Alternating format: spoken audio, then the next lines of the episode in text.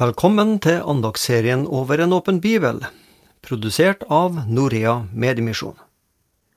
Vi bruker elektroniske medier til å gi evangeliet til unådde folkegrupper i noen av verdens vanskeligste områder å drive misjon i. Men også her i Norge ønsker vi å dele evangeliet, bl.a. gjennom radio. Og dagens andagsholder i Over en åpen bibel, det er Martin Birkedal. Vi leser ifra Jobbs bok, kapittel 1, fra vers 6. Så hendte det en dag at Guds sønner kom og stilte seg fram for Herren, og blant dem kom også Satan. Og Herren sa til Satan, Hvor kommer du fra, Satan? svarte Herren. Jeg har fartet og flakket omkring på jorden. Da sa Herren til Satan, Har du gitt akt på min tjenerjobb, for det er ingen på jorden som er som han, en uklanderlig og rettskaffen mann som frykter Gud og holder seg fra det onde. Men Satan svarte Herren, Mon tro Jobb frykter Gud for intet? Har du ikke vernet om ham og hans hus og alt som hans er? På alle kanter hans henders gjerning har du velsignet, og buskapen hans har bredt seg vidt ut i landet. Men rekner bare ut din hånd og rør ved alt det som hans er, da vil han forvisst si deg farvel like opp i ansiktet. Da sa Herren til Satan, Se, alt det som han eier, er i din hånd, men mot ham selv må du ikke rekke ut din hånd. Så gikk Satan bort fra Herrens åsyn. Her får vi høre fra en samling i himmelen. Guds sønner, altså englene, var samlet for Guds trone. Hvor mange de var er umulig å vite, men jeg ser for meg at de var mange. Vi vet jo lite om dette, men det hele tar form av en rådslagning om menneskene på jorda.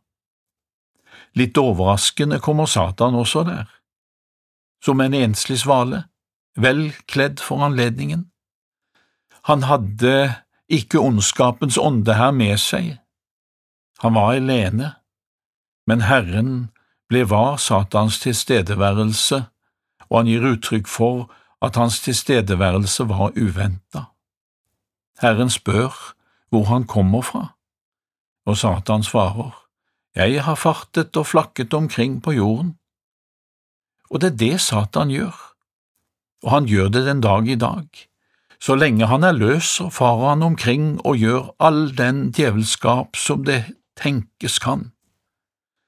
Det er ikke utenkelig at han tidligere har prøvd seg på jobb, og at han har mislykkes med det. Herrens velsignelse og beskyttelse var over jobb, slik at Satan ikke kunne komme til.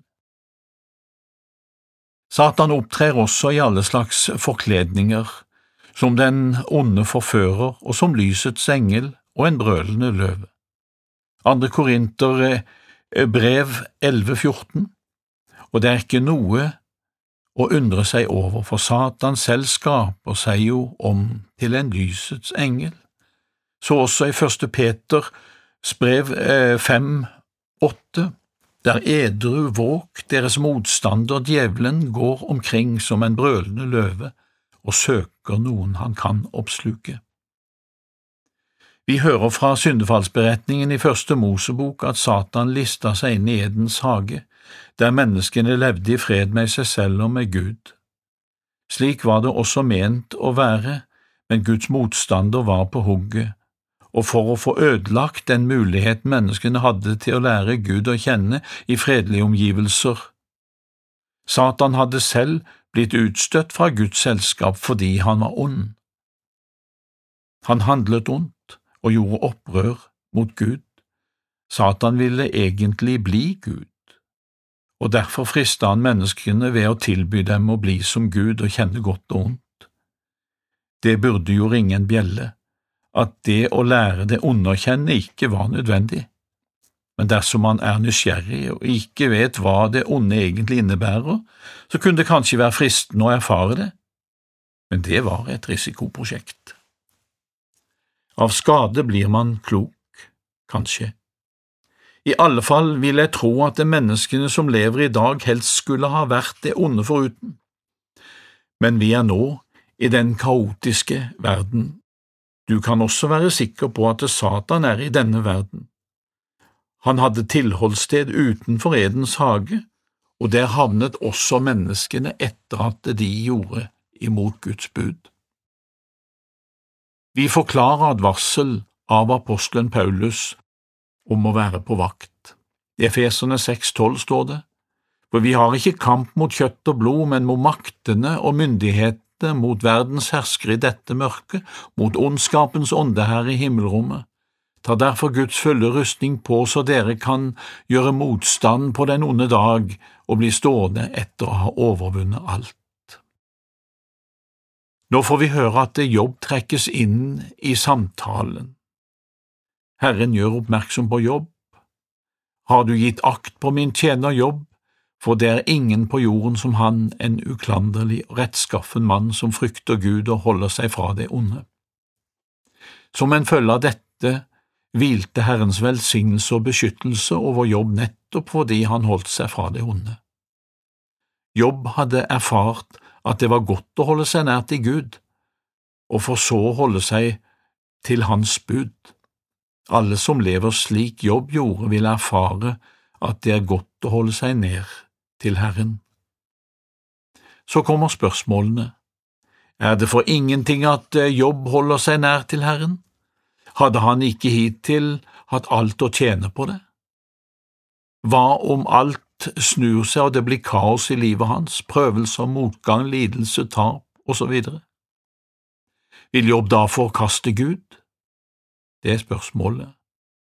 Vel, Gud går med på å ta beskyttelsen bort, og Jobb blir fritt vilt på Satans arena.